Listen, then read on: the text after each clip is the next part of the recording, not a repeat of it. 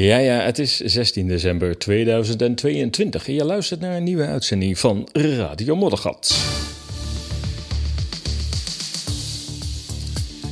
Er is geen ander medicijn tegen misleiding en manipulatie dan de waarheid. Radio Moddergat, de vrije podcastradio van esas.nl, werpt een ander licht op het voorgeschreven narratief.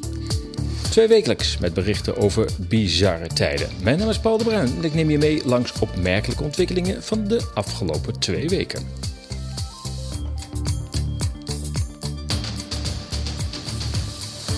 In deze uitzending onder meer de volgende onderwerpen: razzia's in Duitsland. Wat moeten we daarvan vinden?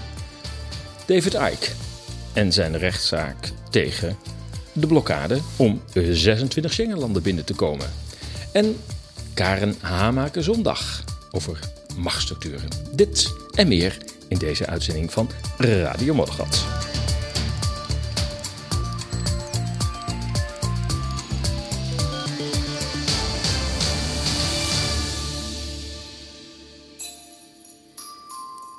Ja, ja, ja, ja, ja, helemaal de kerstsfeer hoor. De kerstboom staat.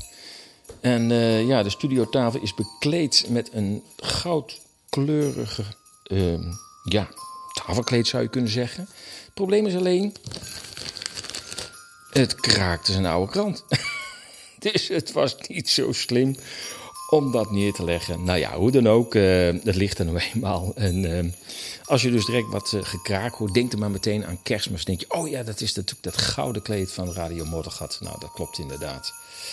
Zeg, ehm, ja, het zijn wel weer een paar weken geweest. eerlijk gezegd, elke twee weken denk je weer van ja, zou er wel genoeg zijn om weer een uitzending van een uur over te maken. En ehm, nou, ik moet je zeggen, tot op heden geen teleurstelling, er is altijd wat. We gaan naar Duitsland, niet zomaar uh, een land, maar ons buurland, waaraan we ons uh, graag spiegelen. Natuurlijk eerst aan de Verenigde Staten, maar dan aan, uh, aan onze oosterburen Duitsland. Met 3000 man sterk werden de deuren bij meer dan 130 locaties ingetrapt. Zowel in Duitsland, maar ook in Oostenrijk en Italië, waarbij 25 mensen werden gearresteerd. Aangevoerd door een heuse 75-jarige prins zou er een radicale beweging, de Reichsbürger genoemd, gefantaseerd hebben over het plegen van een gewelddadige staatsgreep om daarmee de Duitse regering omver te werpen. Let wel, de gearresteerden worden niet beschuldigd van het plannen, voorbereiden, laat staan het uitvoeren van de staatsgreep, maar ze zouden fantasieën over een staatsgreep hebben gehad. Een tot nu toe onbekende rechtsgrond om, uh, om iemand te arresteren. Volgens de politie zouden de Reisburger ook aanhang uit kringen van het leger en politie hebben geworven. Zelfs in de veiligheidsdiensten, citaat, zijn de mensen kwetsbaar voor extremistische ideologieën, stelt de woordvoerder van de Berlijnse politie. De term extremistische ideologie is natuurlijk wat breed interpretabel in de huidige linkse woke klimaat, dat zich kenmerkt door een hoge mate van intolerantie en exclusiviteit, is iemand met een iets afwijkend gedachtegoed al snel extremistisch. Hè? Zie je de NCTV uh, met zijn, uh, hoe noemde hij dat ook weer? Anti-overheidsextremisten. Dat waren vroeger gewoon mensen die demonstreerden tegen een of ander beleid van de overheid. Dat was gewoon een demonstrant. Dat is nu een anti-overheidsextremist. Wie had het ooit gedacht? En wie daar online ook nog eens lucht aan geeft aan die ideeën, ja, die heeft in de huidige tijd toch echt wel een probleem. Um, we laten even een stukje van de Duitse televisie horen, waarin wordt verteld wat Reisburger zijn, wie dat zijn. En uh, let even goed op, op de synoniemen die ze meteen achterplaatsen, zoals bijvoorbeeld de Querdenker.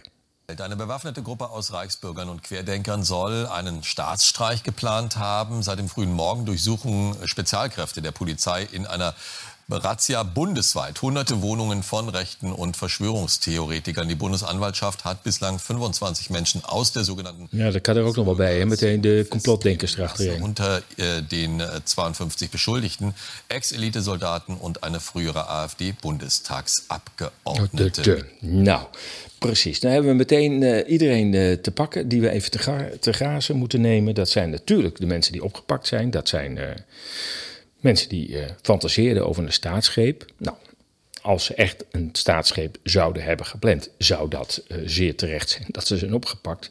Uh, nog los van wat je daarvan vindt, uh, van de huidige situatie. maar fantaseren is wel een hele zwakke rechtsgrond. Ik, volgens mij is het helemaal geen rechtsgrond, maar dat terzijde. Maar je hoort in. Dit was trouwens een. Ehm, een fragment van Welt uh, TV, uh, die Welt-krant, uh, maar heeft ook een eigen online televisiekanaal. en die hoorde je en die gooide meteen op naast zeg maar de, de, de extremisten, de, de, de putschisten, de, de staatsgreep-types. Um, gooiden ze ook maar meteen de queerdenkers erachteraan en de uh, de, de samensweerders, de, de, ik moet zeggen de complotdenkers, zoals dat in het Nederlands heet. Ja, even over die queerdenkgroep. Uh, uh, dat is misschien in Nederland nog niet zo heel erg bekend. Maar de queerdenkers, dat was de tamelijk onschuldige naam. De queerdenken betekent dwarsdenken, andersdenken. niet bepaald een revolutionaire term. Ehm, de queerdenkenbeweging heeft de grote demonstraties in, uh, in een aantal steden georganiseerd in 20 en 2021. Ehm, de bekendste zijn de demonstraties van augustus 2020 in Berlijn, ehm, begin augustus en eind augustus, allebei honderdduizenden mensen. Ik uh, denk de tweede, waar ik ook bij was, en ook uh, Kennedy sprak, Robert Kennedy. Um, ja, er waren wel ja, 500.000, 800.000. Um, ja, ik heb geen idee. Het waren er in ieder geval ontzettend veel. En de organisatie, dat zijn queerdenker. Uh, mensen die dwars denken. Uh, een eigen beeld, wereldbeeld op nahouden. Maar ja, als, ik, ik, moet zeggen, wat ik daar... ik heb daar de hele dag rondgelopen. aan queerdenken rond zag lopen. Ehm, ja, ik zag... Ik, ik, wil nog net niet met zeg maar de, de, de Vierdaagse in Nijmegen vergelijken wat er rondliep. Het waren uh, ja, gezinnen, mensen die vrolijk gestemd waren. Uh, um, ja, ik had, uh, ja, zeg maar, doorsnee Duitsland liep daar. Um, maar toch werd queerdenken al heel snel in de rechtsradicale hoek geplaatst. Dat is ook altijd stap één om uiteindelijk in te kunnen grijpen. Je, je, je, zet ze meteen in de rechtsradicale hoek. Ehm, complotdenken wil ook altijd wel helpen. Um, ja, en uiteindelijk is het zover gegaan dat um, een aantal maanden geleden de organisator van Queerdenken, van uh, die demonstraties, uh, Michael Balweek, is gearresteerd op verdenking van ja, het gebruiken van gelden uh, van zijn stichting, zeg maar, van de organisatie, voor eigen doeleinden. Nou, wie een beetje de krant heeft eh, bijgehouden, of eigenlijk de alternatieve media heeft bijgehouden, heeft gezien dat Willem Engel hetzelfde werd aangevreven. Zo van, ja, je hebt met uh, uh, geld van de stichting, heb je ook privézaken gedaan. Nou, ik kan niet beoordelen of dat zo is, uiteraard. Maar het is wel opvallend dat in beide gevallen, het zijn allebei ja, activisten zou je kunnen zeggen, dezelfde type beschuldiging wordt geuit. Het punt is ook, uh, ja, het is moeilijk te bewijzen.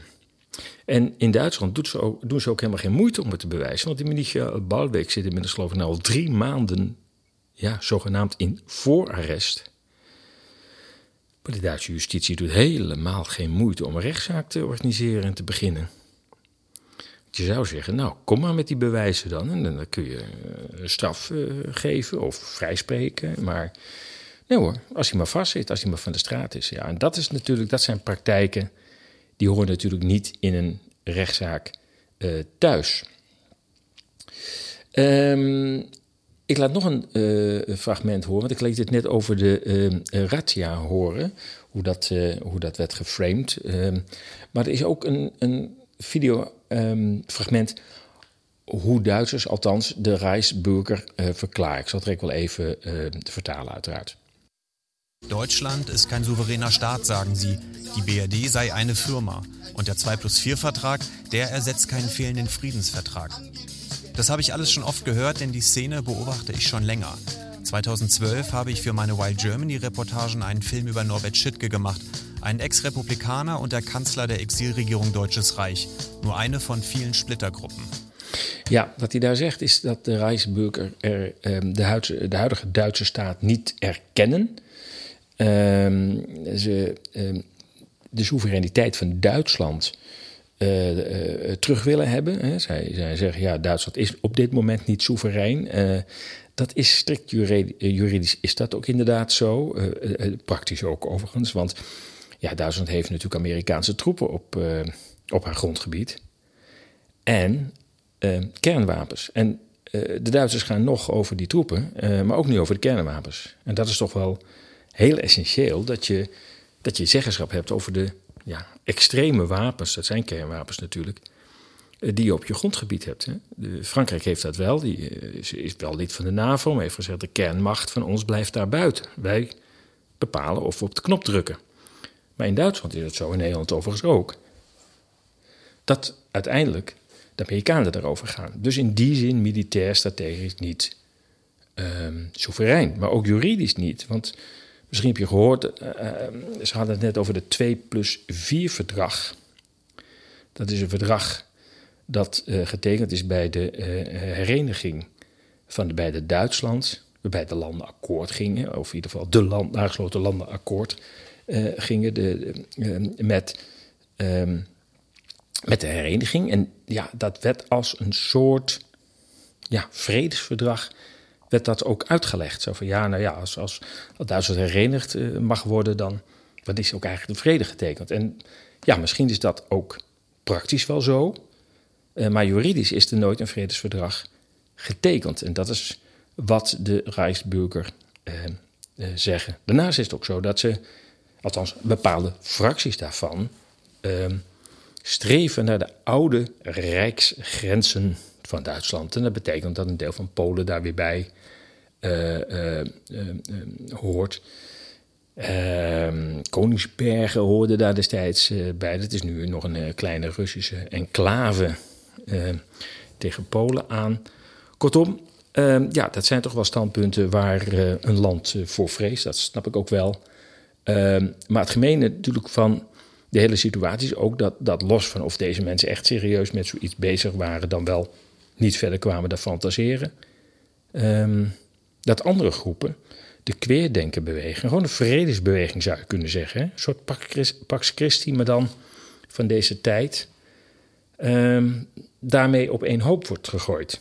En ja, ook nog complotdenkers. Nou ja, dan, ja, dan zitten denk ik op dit moment heel veel complotdenkers te luisteren. Dus dan weet je dat je in Duitsland althans al meteen onder de categorie valt van Reisburger. Um, een, een, een bijzonder fenomeen. En ja, het, je ziet dat in ieder geval uh, de media dit wel goed kunnen gebruiken op de een of andere uh, manier. Men schat de, de groep overigens op zo'n 16.000 aanhangers. Ehm, wat ik zei, ze achten Duitsland dus niet bepaald een soeverein land. Ehm, na de demonstratie uh, van de queerdenkenbeweging op 19 uh, augustus, of 29 augustus dacht ik, 2020 in Berlijn, uh, waar ik zei 500, 800.000 mensen, waar Robert Kennedy ook sprak, zou een kleine groep Rijksburger de Rijksdag hebben bestormd. Nou, dat is natuurlijk een enorm emotioneel beladen symbool van Duitsland. Ja, wat is de bestorming? Uh, ze liepen tot uh, de glazen deuren en uh, daar bleef het dan bij. Maar vervolgens zijn er dan mooie filmbeelden gemaakt van ja, politie die erachteraan rent en een beetje chaos en mensen die door elkaar heen lopen.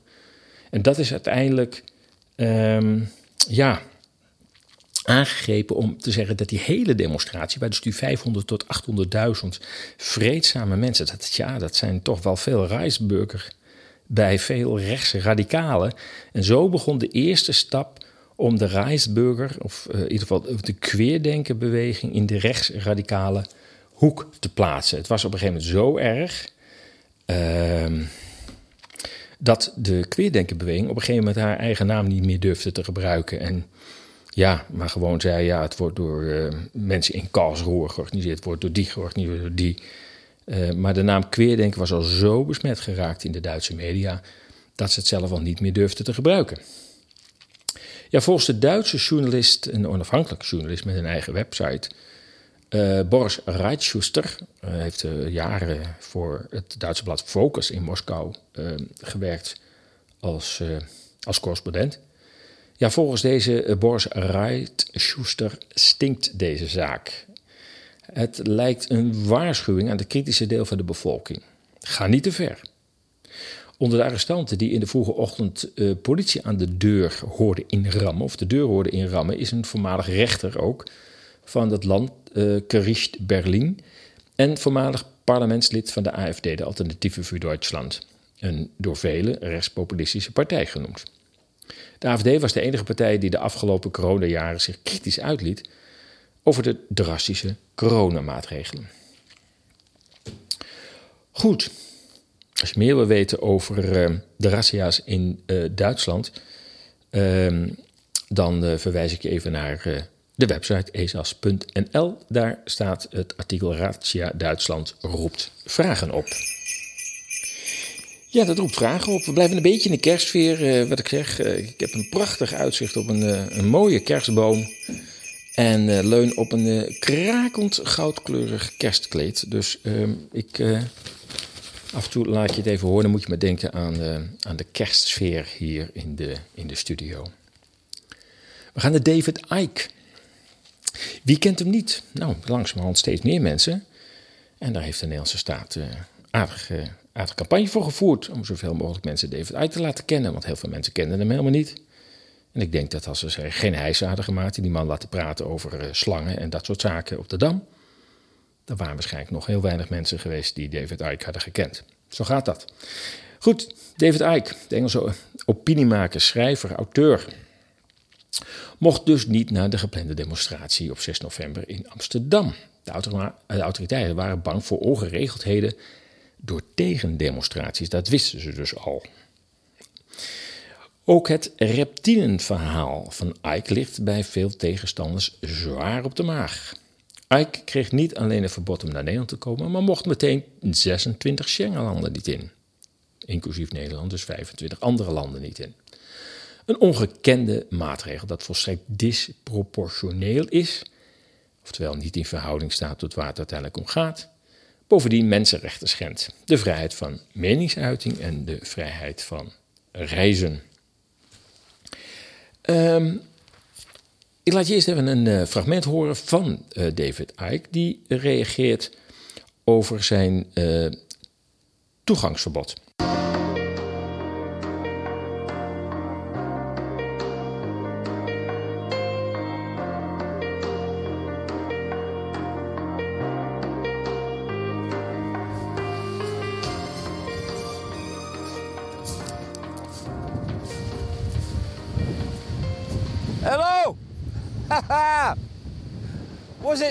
Something I said? I do hope so. My God, my bloody God, the world is insane. And anyone here who has had their minds downloaded in the last two weeks by the state's version of me, well, there's really no hope for you until you choose, and it's your choice, to take your mind back and own it yourself. Uh, David Icke staat trouwens uh, langs de uh, kust. Hij woont volgens mij op de Isle of Wight. En hij staat nu op het, op het strand. Vandaar het geluid van de wind. Tell me what to think! Mr. State Authority. It's pathetic, and it's the reason this world is moving so fast into global fascism. It is you who give your minds to the fascists that allow this to happen. Uh, ik geloof dat hij behoorlijk kwaad is, dat, dat kun je wel zeggen, ehm, met zijn uitspraken. Ehm, ik, ik, vind eerlijk gezegd dat hij het woord fascisme altijd wel erg snel hanteert. Net zo snel als uh, anderen weer het woord antisemitisme gebruikt. Ik denk dat in beide gevallen de termen verkeerd gebruikt worden, maar dat even terzijde zijn woede, want dat is het denk ik wel zijn woede tegen deze uh, disproportionele maatregel is, uh, is volkomen, uh, volkomen terecht. Um, hij heeft ook een duidelijke mening over ja, waar het hier over gaat. Het gaat natuurlijk over vrijheid. Freedom is not just a word. It's not just a platitude.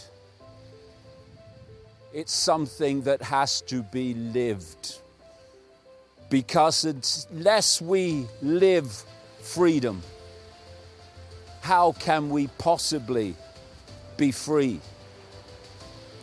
And we are at the point now where we are allowing 8 billion people to be controlled and dictated to and have their lives taken over by, at the core of the core of this cult, people you would get into a single room. That is how far the self respect of humanity has fallen. And that's the point self respect. You do not have self respect when you mindlessly believe whatever you're told by authority. You do not have self respect when you do it though you don't want to do it because you fear not doing it. You have self respect when you stand up for your rights and your fellow humans' rights and don't let consequences cower you into submission. The Netherlands is a fascist country now. My country is a fascist country. America, Canada, New Zealand. All of them. Australia. Fascist countries. France, Belgium, all of them. And it's only possible because we allow it.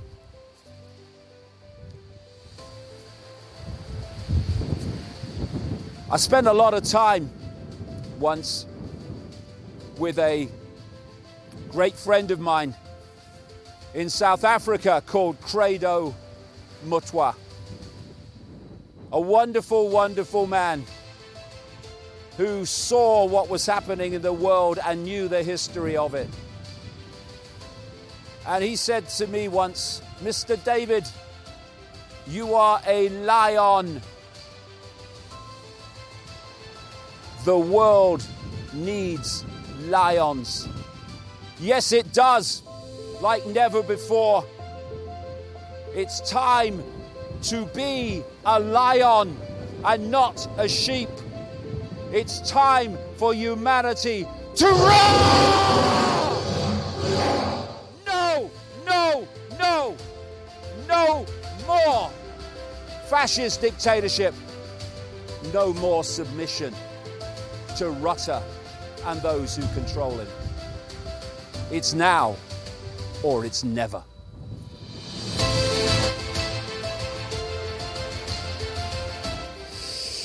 Ja, uh, duidelijke taal, zoals je dat ook van David Icke uh, gewend uh, bent.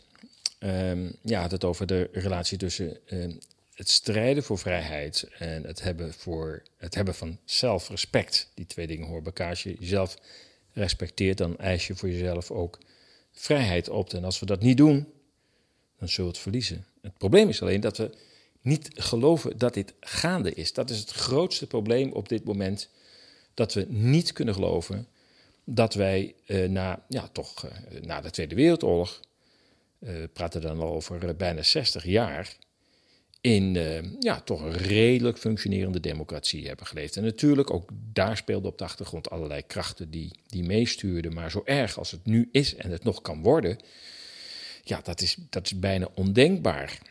Ehm, en dat is ook de reden dat heel veel mensen zoiets hebben van... ja, uh, joh, uh, waar heb je het over? Ik plaats nog steeds allerlei vakantiefoto's op Facebook... en ja, ze staan er allemaal nog. Ja, zo kun je er ook tegenaan kijken natuurlijk. Goed, uiteindelijk gaat het om die rechtszaak. Want het is wel heel interessant van hoe de Nederlandse staat denkt...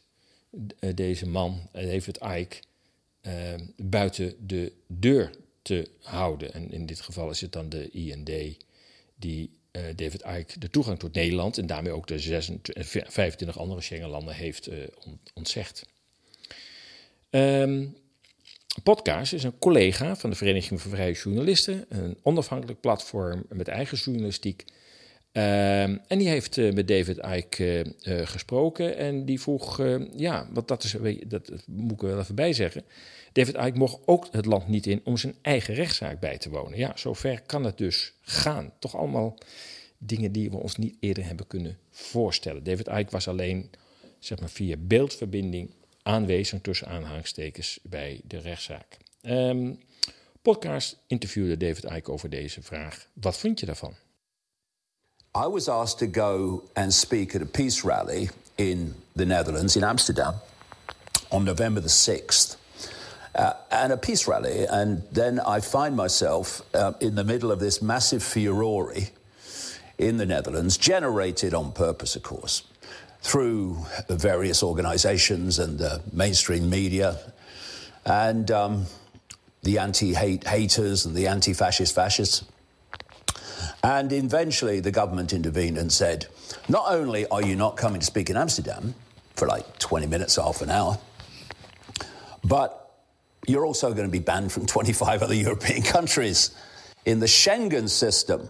So, effectively, for agreeing to go and speak at a peace rally and talk about the need to, for peace and to love each other and put down the fault lines that divide us, divide and rule us, um, I uh, find myself banned from much of the world. I'm sitting here in uh, Derby in the Iconic Studio because I'm even banned from going to the Netherlands to appear in person in court. I mean, what do they think I'm going to do? Say boo to someone? Ja, ik denk dat ze daar bang voor waren, uh, David. Dat je boe zou roepen in de, in de rechtszaal. Cruciale vraag, want er is dus een brief geschreven. Ik, ik heb er ook een artikel aan gewijd. Uh, waarin veel citaten uh, staan en ook de brief als bijlage gedaan in het artikel. Um, ja, ik heb daar ook commentaar gegeven uh, op die brief. Het is, een, het is een extreem rommelige, bij elkaar geraapte brief. En de harde kern, waarbij dus iets verwezen wordt naar ehm, ehm, de juridische basis voor dit dramatische, drastische besluit, is, is uitermate zwak. De cruciale vraag, vraag is dus: welk artikel geldt nu echt en, en is dat hard te maken? Um, ja, die regeling waar het om gaat, dat is daarna de zogenaamde eh, EG-regeling SIS 2.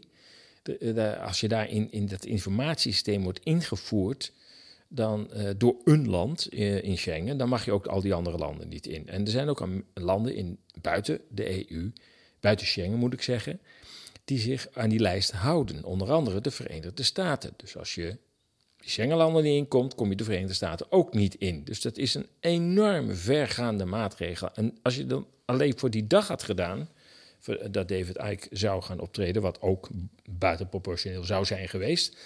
Maar je doet het voor twee jaar. Dus hij mag gewoon ja, bijna de, de halve westerse wereld niet in twee jaar, omdat hij twintig minuten wilde spreken in Amsterdam. Zo gek uh, hebben we het inmiddels gemaakt. Um, Jeroen Pols, advocaat uh, bekend van viruswaarheid, was uh, in deze rechtszaak zijn verdediger. En ik laat graag uh, zijn pleidooi horen, omdat het een ijzersterk pleidooi was. En ik denk dat velen van jullie als luisteraar zich zullen kennen in de, in de argumentatie. Jeroen Pols. David Icke eh, die schreef de afgelopen 30 jaar talrijke boeken. En uh, geeft als activist toespraken en lezingen bij bijeenkomsten in vele landen over zijn visie op wereldwijde machtsstructuren. Dat leverde nooit noemenswaardige problemen op, totdat hij werd uitgenodigd voor de vredesdemonstratie op 6 november 2022 in Amsterdam. Wat toen gebeurde, schept een gevaarlijk precedent. Om te voorkomen dat hij zijn toespraak zou houden, werd hij in opdracht van de staatssecretaris gesignaleerd in het SIS-2-systeem. Dit betekent dat hij twee jaar lang een feitelijk inreisverbod heeft voor Nederland en 25 andere Schengenlanden. En in het kielzog, zoals ik net al zei, nog meer talrijke andere landen. Maar de zaak van vandaag gaat meer eh, dan over dan de bewegingsvrijheid van de heer Eijk. Het gaat hier over kernwaardes van de democratische rechtsstaat. De vrijheid van meningsuiting en het daaraan verbonden demonstratierecht. Om aan te sluiten bij het artikel van hoogleraar Jan Brouwer.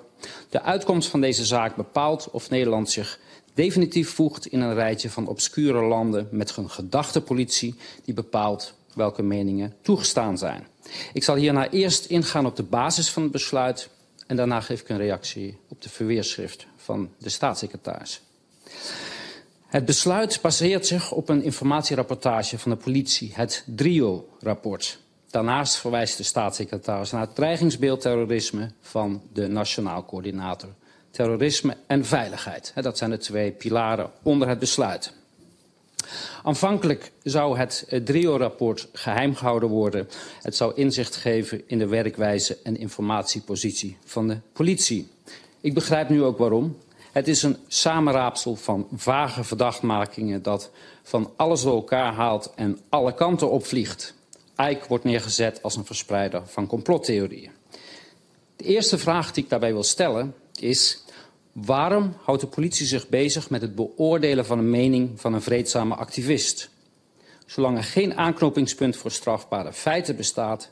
hoort de politie geen oordeel te hebben over meningen. De enige bemoeienis van de politie bij een demonstratie is het maken van een inschatting op de kans op ongeregeldheden en hoeveel politiecapaciteit er nodig is om een demonstratie in goede orde doorgang te laten vinden. Het rapport meldt voorts dat de komst van Eik tot, verontwa tot verontwaardiging zou leiden bij Joodse organisaties. Het zou niet ondenkbaar zijn dat zijn aanwezigheid tot een verstoring van de openbare orde leidt, waarbij vooral de aankondiging van tegendemonstraties meespeelde.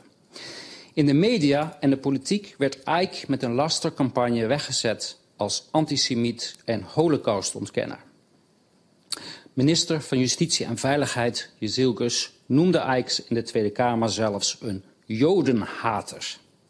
En de Amsterdamse driehoek noemt zijn uitlatingen verwerpelijk. Maar als we het rapport bekijken, vinden we geen enkel aanknopingspunt hiervoor. Er wordt verwezen naar de reptiele theorie van Eijk. Het zou gaan over een groep buitenaardse wezens... dat volgens critici een metafoor zou zijn voor een deels Joodse elite... die een almachtige geheime wereldregering vormt.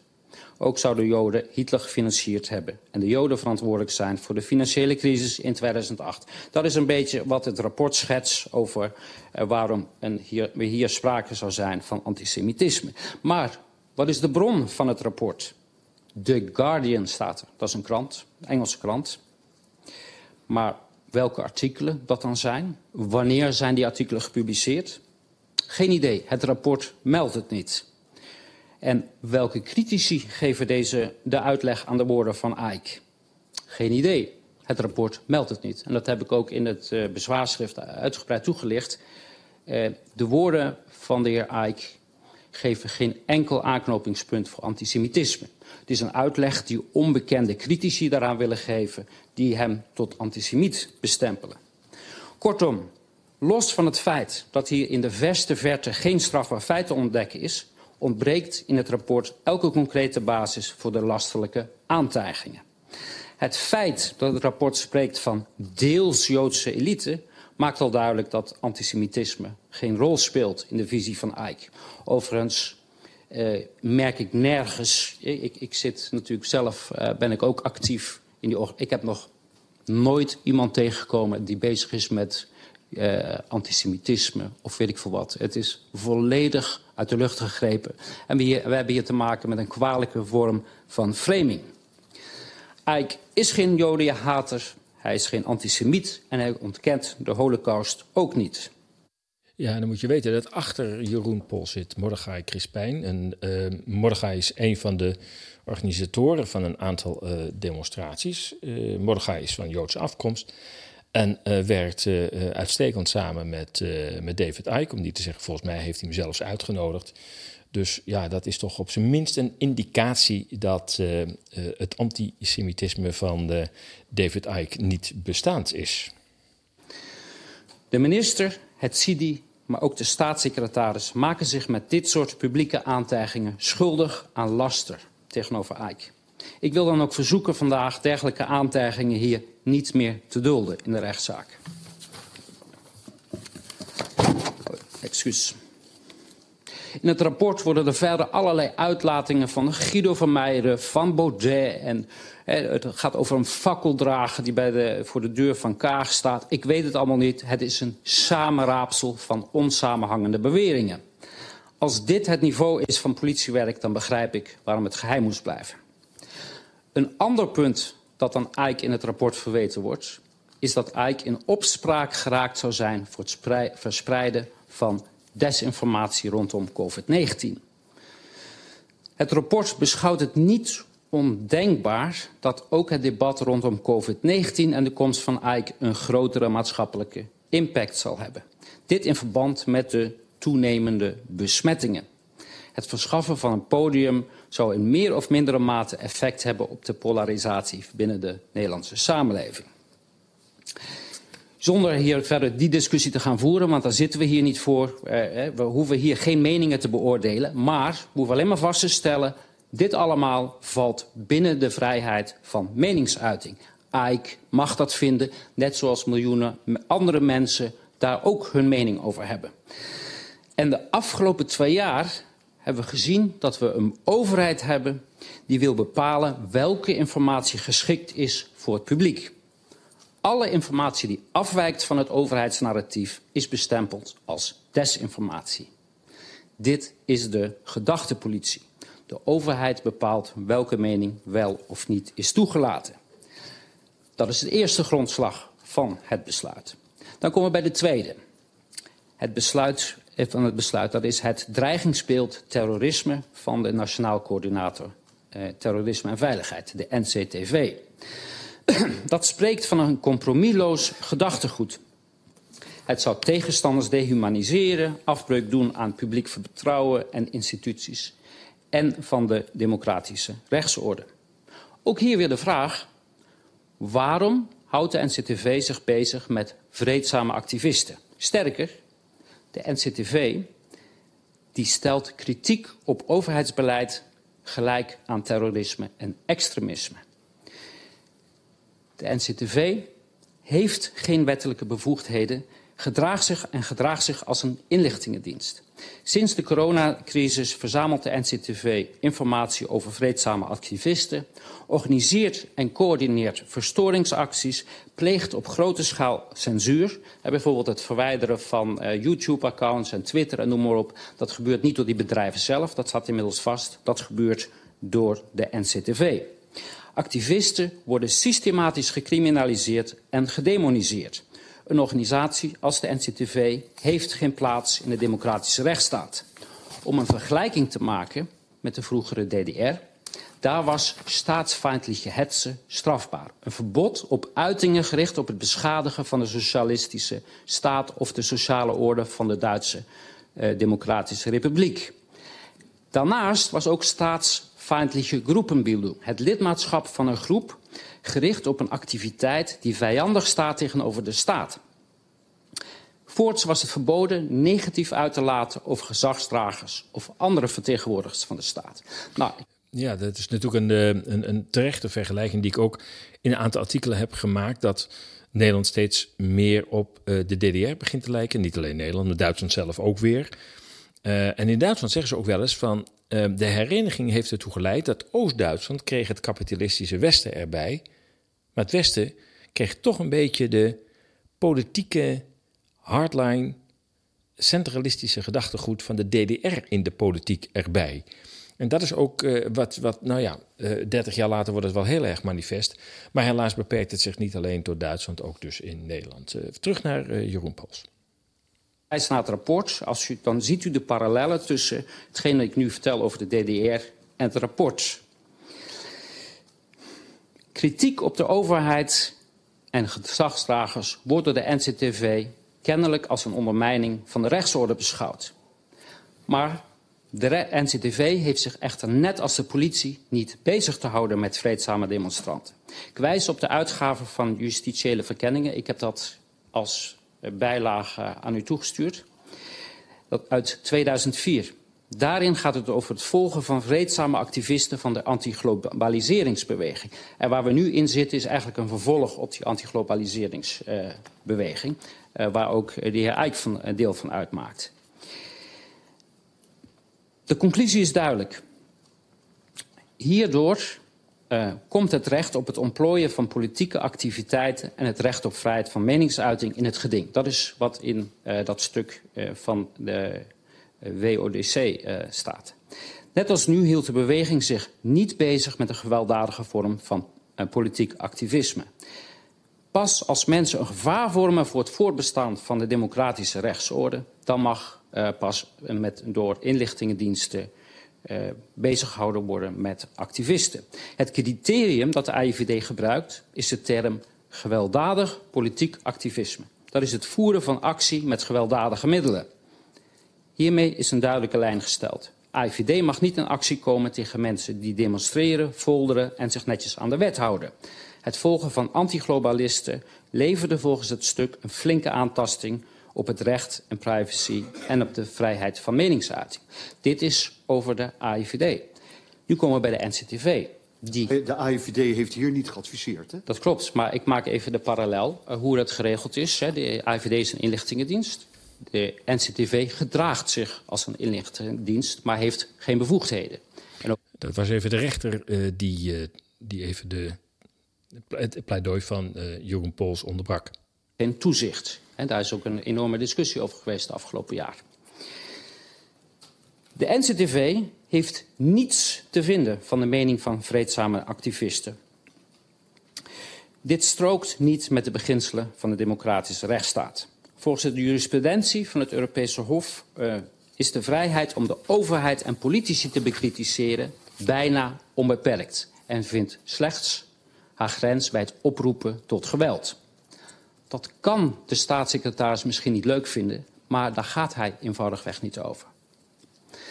Daarbij kan Ike niet verantwoordelijk gehouden worden voor het snelgroeiende anti-overheidssentiment. Daar draagt de overheid volledig zelf de verantwoordelijkheid voor. Mensen die massaal naar de voedselbank moeten omdat zij hun eten niet meer kunnen betalen, thuis zitten te, zitten te vernikkelen van de kou, boeren wiens bedrijven afgepakt worden, miljoenen mensen die in de armoede gedreven worden, dat vormt de voedingsbodem voor onvrede en anti-overheidssentiment. Dan wil ik nog even een uh, opmerking buiten de pleitnota. Uh, men heeft het over extremistische denkbeelden.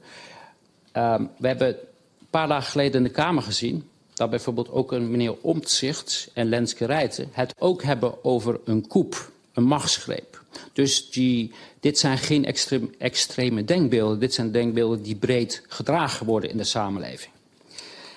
Daarbij zijn het niet de demonstranten die, die polariseren en dehumaniseren. Dat doet de NCTV en de overheid zelf door mensen met terechte kritiek op overheidsbeleid weg te zetten als wappies, complotdenkers, antivaxers, extremisten, fascisten, antisemieten of extreem rechts. Dat is polarisatie en dehumanisering. Zo is dat. Daarmee is de conclusie duidelijk. Zowel het DRIO-rapport als het rapport van de NCTV kunnen op geen enkele wijze een basis vormen voor de SIS-2-signalering en dient alleen al op deze grond onmiddellijk opgeheven te worden. En dan overigens en wil ik daar nog even een opmerking bij maken. Um, als je dat rapport kijkt, uh, er wordt van alles bijgehaald. Uh, allerlei uh, dingen die helemaal niets met Ike te maken hebben. Maar het lijkt hier dat Ike de schuld krijgt van alle bewegingen die zich plaatsvinden in Nederland. Maar nogmaals, daar hebben ze eigenlijk niet voor nodig. Mensen zijn slim genoeg om zelf op een gegeven moment te merken dat de overheid het niet het beste met hun voor heeft. Dan komen we bij het toetsingskader en bij de signalering. De staatssecretaris stelt een ruime beoordelingsmarge te hebben bij de toegangsvoorwaarden.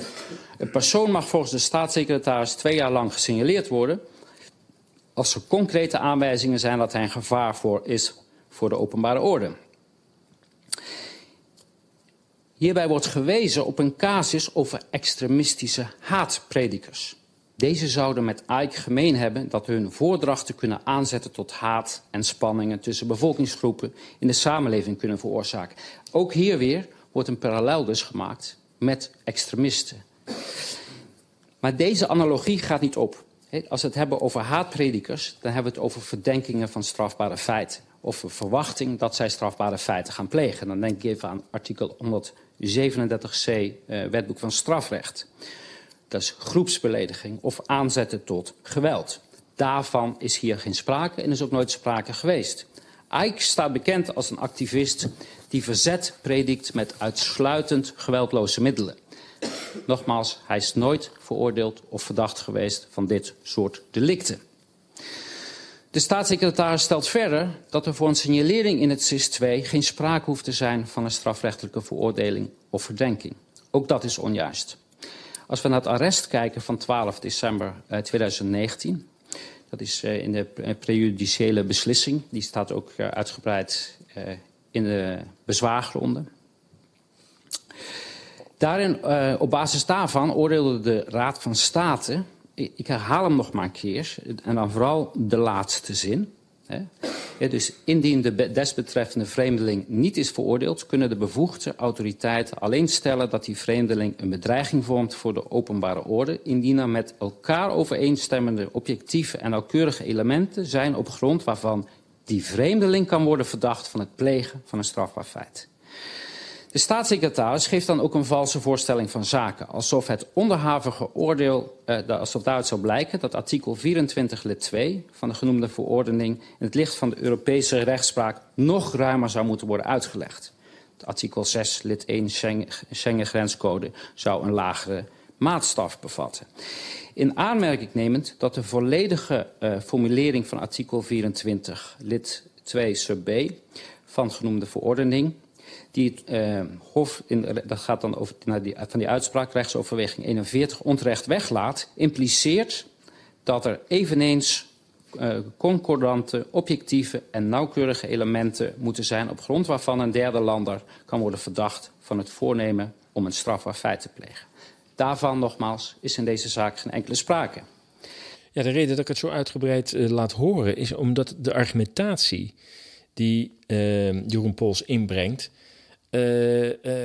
geldt, nog los van de ontzegging toegang tot, tot het Schengengebied, maar geldt voor iedereen die nu reeds of in de toekomst uh, strafrechtelijk vervolgd gaat worden voor uitlatingen online. Dat kan via social media zijn of via een eigen website, een nieuwswebsite, via een video-interview.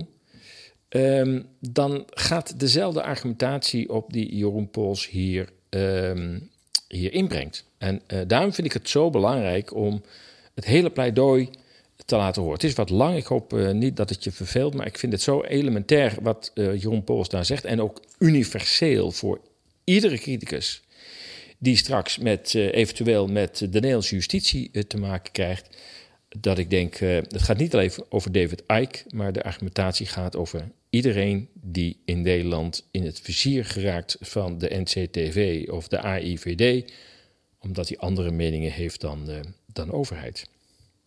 En in dit verband wijs ik nog even op het stuk van Jan Brouwer, die terecht wijst op het misbruik van het begrip gevaar voor de openbare orde. En even een opmerking, eh, aanvullende opmerking.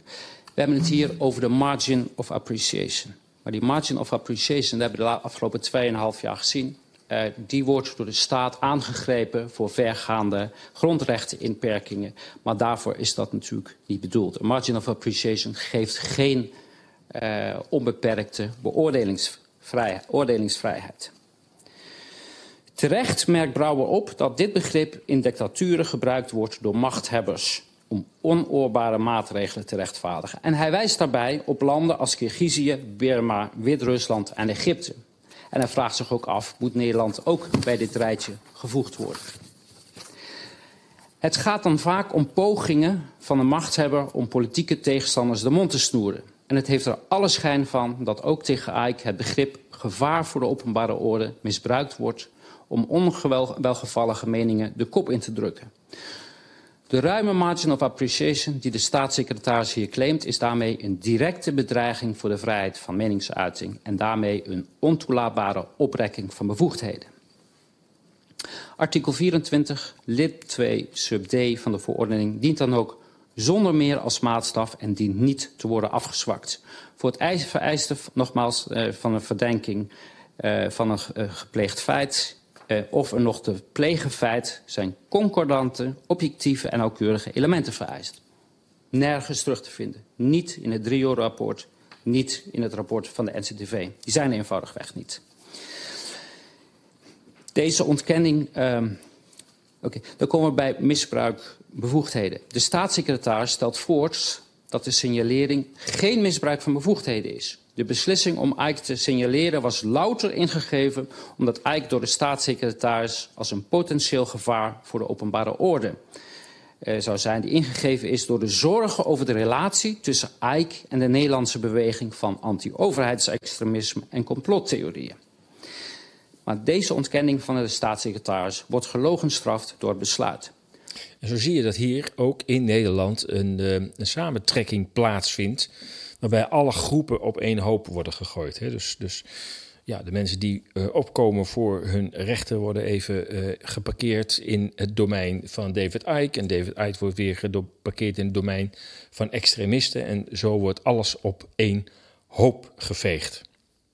Wel in het bezwaarschrift is uitgebreid, zoals in het bezwaarschrift uitgebreid beschreven is, wijzen alle stukken erop dat de signalering slechts één doel had, namelijk te voorkomen dat Ike zou spreken tijdens de demonstratie. Dan wil ik kort uh, een, nog buiten mijn pleitnoten opmerking maken. Kijk, de afwijzing um, om Ike voor die rechtszaak naar Nederland te halen... Um, is op zich al een uh, opmerkelijk besluit. En dat is waarschijnlijk onbewust gegaan, maar het, het toont een, uh, al een vooringenomenheid. Want, en nogmaals, ik neem aan dat dat onbedoeld is. Maar het feit dat het beperkt was tot het voorkomen van een toespraak... betekent dat Ike op het moment dat hij niet naar Nederland komt om een toespraak te houden... dat hij ook geen gevaar vormt voor de openbare orde. Dat is... Ja, dat is dus uh, wat hij, Jeroen terecht uh, zegt, dat de rechter, deze rechter dus... Uh, een, een, enkelvoudige rechter, dus niet drie rechters, maar dus één rechter... die deze zitting voort, voor zit, ehm, die heeft um, de voorlopige voorziening, het, althans eh, de, het verzoek dat uh, Ike bij deze rechtszaak aanwezig zou zijn, heeft hij afgewezen. En dat heeft hij in het begin van de rechtszaak, dat staat niet in dit lange fragment. In het begin van de rechtszaak heeft hij dat ook gezegd dat hij uh, geen reden zag dat Ike bij de rechtszaak moest zijn. een logisch gevolg. En uh, men probeert nu wel in het verweerschrift dat op te rekken. Uh, ik heb in het begin al een opmerking daarover gemaakt. Maar dit is waar het om ging. Puur en alleen het voorkomen dat hij zijn bijdrage zou houden bij de demonstratie. Dat is waar het besluit op gaat. Ik heb dat in de bezwaargronden ook onderbouwd met alle stukken. De Kamervraag, noem maar op. Het gaat maar over één ding. De vraag was, hoe kunnen wij voorkomen dat Ike gaat spreken op de demonstratie? Ja, dit was nog niet helemaal het einde van het pleidooi van, uh, van Jeroen Pols, uh, maar wel het uh, allergrootste deel. Um, ja, de video is online nog steeds te zien volgens mij. De officiële registratie ehm, van de rechtbank van de hele rechtszitting. Ik geloof dat het iets van anderhalf uur duurde. En nogmaals, ik heb er ontzettend veel tijd aan besteed. een groot deel van het fragment laten horen. Om de doodvoudige reden dat de argumentatie die de staat gebruikt, in dit geval tegen David Icke hem de toegang tot 26 Schengenlanden te ontzeggen, dat zal dezelfde argumentatie zijn die men ook gaat gebruiken bij iedereen waarvan men, uh, die, die men ja, voor de rechter sleept omdat die ja, online dingen gezegd heeft die uh, niet uh, in goede aarde vallen bij de staat der Nederlanden. Ik moet je overigens zeggen dat op het moment dat ik dit uitspreek, ik denk van had ik me in 2019 kunnen voorstellen dat ik dit ooit zou zeggen. Dat we een situatie zouden krijgen waarin het vertellen van een mening uiteindelijk tot vervolging zou kunnen leiden. Ik, uh, ja, ik loop al een paar jaartjes mee op deze aardkloot. En ik moet je zeggen, ik heb de 70, 80 en 90 jaren zeer bewust meegemaakt. En ehm, ja, ik, ik, kan me, ik kan me niet herinneren dat dit soort zaken speelden, eerlijk gezegd. Of ik ben volkomen naïef geweest in die tijd, maar ja, de tijd waarin we nu leven, ja, dat is toch onvoorstelbaar dat we daar nu met dit soort zaken rekening moeten houden. Oké, dit was de zaak David Icke. Um, geldend nogmaals voor iedereen met uh, kritiek op de huidige gang van zaken. En langzamerhand denk ik dat zijn er dus steeds meer.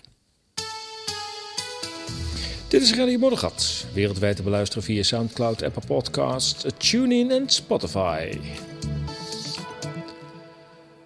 Ja, we zitten alweer op uh, 55 uh, minuten. Zo snel gaat de tijd als je uh, wat langer aandacht besteedt aan één item. Um, ja, we gaan even wat in uh, dikken. Kort even, er is een wintermarkt dit weekend in de buurt van Arnhem. Misschien wel de allermooiste plek op de Veluwe. Boven, oftewel ten noorden van Arnhem. Het is een winterse kerstmarkt op zaterdag en zondag vanaf 12 uur. Ehm, je kunt het bericht op, op esas.nl vinden. Kerstmarkt kerstmarkt, wat zeg ik nou, op de winterse Veluwe. Dus um, aanstaande uh, zaterdag, misschien luister je zaterdag, dan is het vandaag. Ik zou zeggen, in de auto, op de fiets en zo snel mogelijk daar naartoe. Uh, en, de, en zondag, uh, beide dagen vanaf 12 uur. Heel veel kramen zullen staan. Een echte kerstsfeer zal er heersen.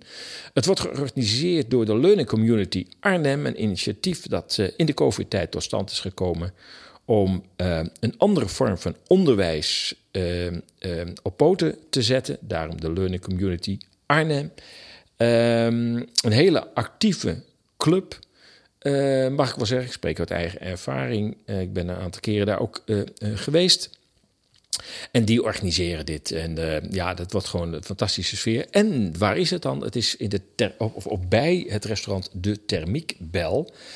En uh, ja, kijk maar even op de website waar dat precies ligt. Want uh, dat, is, uh, dat is misschien niet zo. Het ligt na de A, naast de A50, maar het is niet zo dat je meteen vanaf de A50 een afslag uh, hebt. Je moet dus eerder afslaan om daar te kunnen komen. Of later afslaan. Af, als je vanuit Apeldoorn komt, moet je even doorrijden, afslaan en dan weer terugrijden. En als je uit Arnhem komt, dan moet je voortijdig afslaan op een parallelweg om te komen bij de Temiekbel. En als je daar bent dan heb je misschien wel het mooiste uitzicht over de Veluwe dat je je maar kunt voorstellen. Goed, dit weekend dus ten noorden van Arnhem. Ga er naartoe, zou ik zeggen.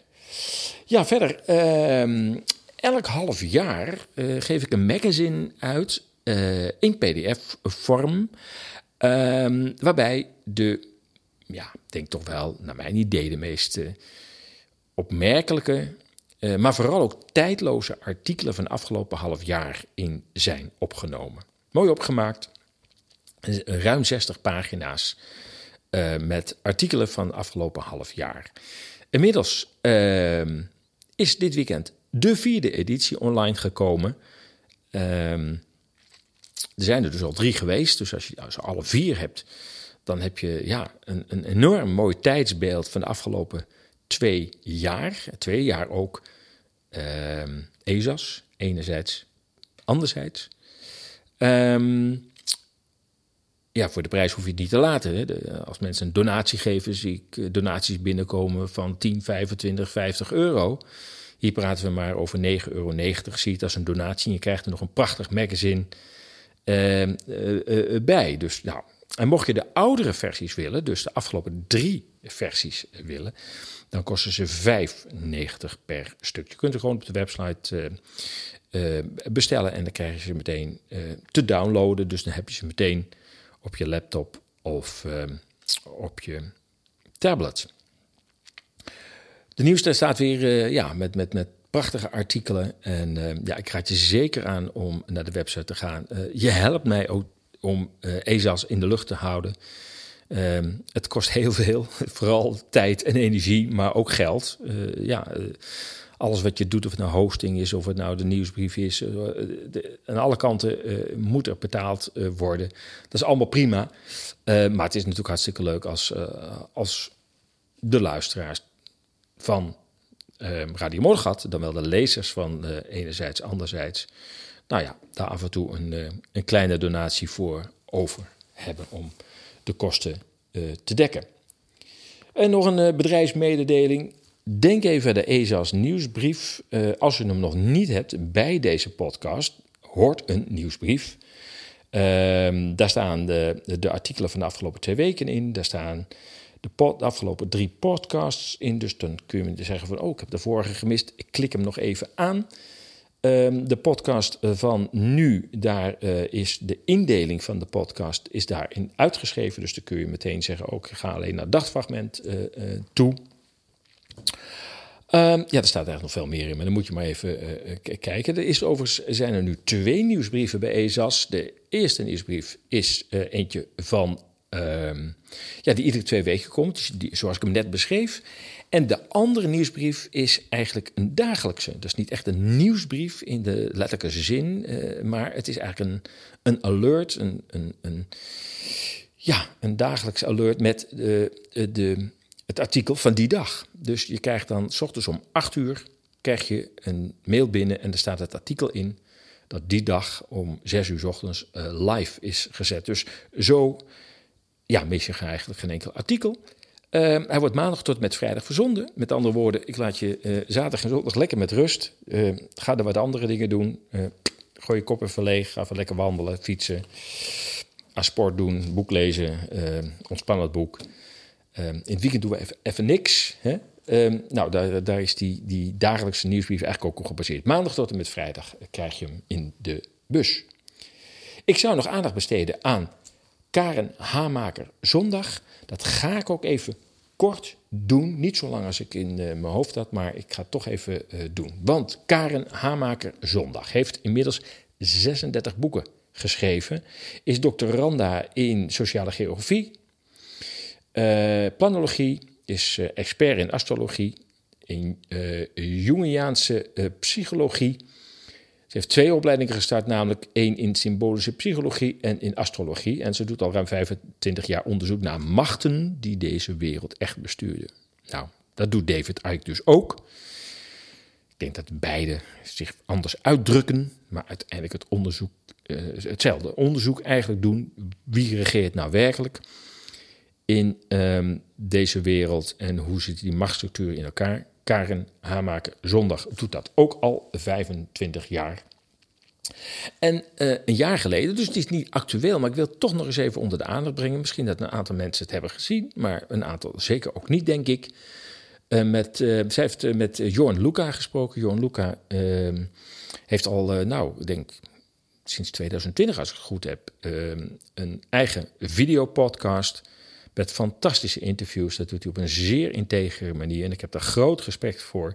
Van hoe hij dat uh, doet en hoe hij dat in al die tijd heeft gedaan. En welke markante mensen hij aan het woord heeft gelaten. En op een hele integere manier ook hen de ruimte heeft gegeven om te zeggen wat ze willen zeggen. En daar hoorde overigens ook David Icke uh, bij. En dat is waar vrije media voor staan. Je hoeft het er niet mee eens te zijn maar zet je oren open voor een andere mening.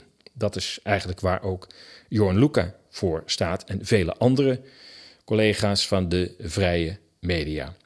Goed, ik laat je even een beginfragment uh, horen van dat interview. En verder uh, verwijs ik je naar Jorn Luca. Uh, de link staat in de nieuwsbrief. En ga eens even rustig zitten. Ik geloof dat de, het interview 2,5 uur duurt.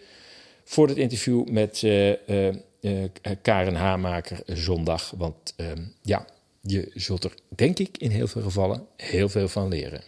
Hier is uh, Karen Hamaker. Ik ben verslaafd. verslaafd aan lezen, verslaafd aan studeren. En het is ook zo dat als ik met iets bezig ben, dan heb ik altijd de waarom-vraag: van hoe zit het? Waarom is dat zo? Hoe is het zo gekomen? En ja, ik kan niet ophouden als, voordat ik het uitgezocht heb. Toen ze, in 73 is dus de trilaterale commissie opgezet. En ze hebben bewust Jimmy Carter... hebben ze lid van de trilaterale commissie in Amerika gemaakt. Want Brzezinski en, en, en Rockefeller, David Rockefeller... die zeiden van, die man die is te vormen. Je ziet dat de Rothschilds die zitten vrij sterk op de achtergrond. Die laten zich niet zo zien. Maar die kun je indirect kun je daar heel veel van uh, terugvinden. Moet je lang spuren, maar je vindt het wel zoals in Vanguard. De Rockefellers hebben er een rol in gespeeld. De Rockefellers hebben het Kaiser Wilhelm Instituut in Duitsland uh, gefinancierd om uh, eugenetisch onderzoek te doen. En daar is Mengele weer uit voortgekomen. You own nothing in 2030, but you will be happy. Dat is de slogan van de technocratie. Hoe krijg je op een gegeven moment de wereld achter één wereldregering? Dat is wanneer er een zo grote factor is die je als één land niet meer kunt behappen. Nou, wat is nou zo'n grote factor? Mm -hmm, dat, klimaat. Klimaat bijvoorbeeld. Ja. Klimaat. Zo zijn er binnen die kringen zoveel verschillende belangen dat naarmate ze verder gaan en dus tijdelijk succesvoller zijn, zie je dat hun mentaliteit, namelijk ikke ikke, dat die gaat botsen. Er gaan, gaan splijtingen komen.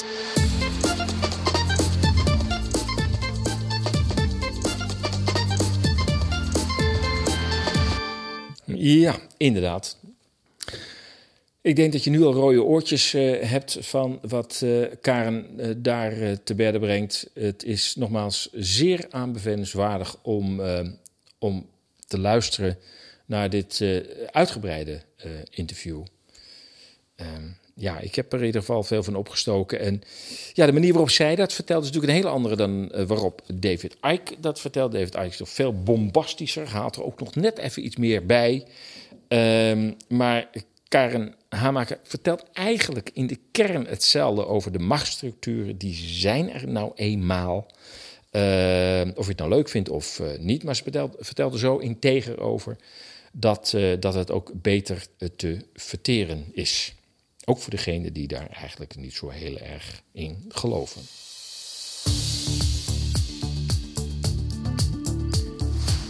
Het zit er weer op. Het is onvoorstelbaar. 16 december 2022. Dat was de aflevering waar je naar hebt geluisterd. Als je deze uitzending hebt gewaardeerd, bezoek dan onze donatiepagina op ezas.nl. De ESAS nieuwsbrief, brieven zou je nu kunnen zeggen, is onmisbaar als je niets van ESAS wilt missen. Ben je nog niet geabonneerd, meld je dan aan via ezas.nl slash ezas volgen.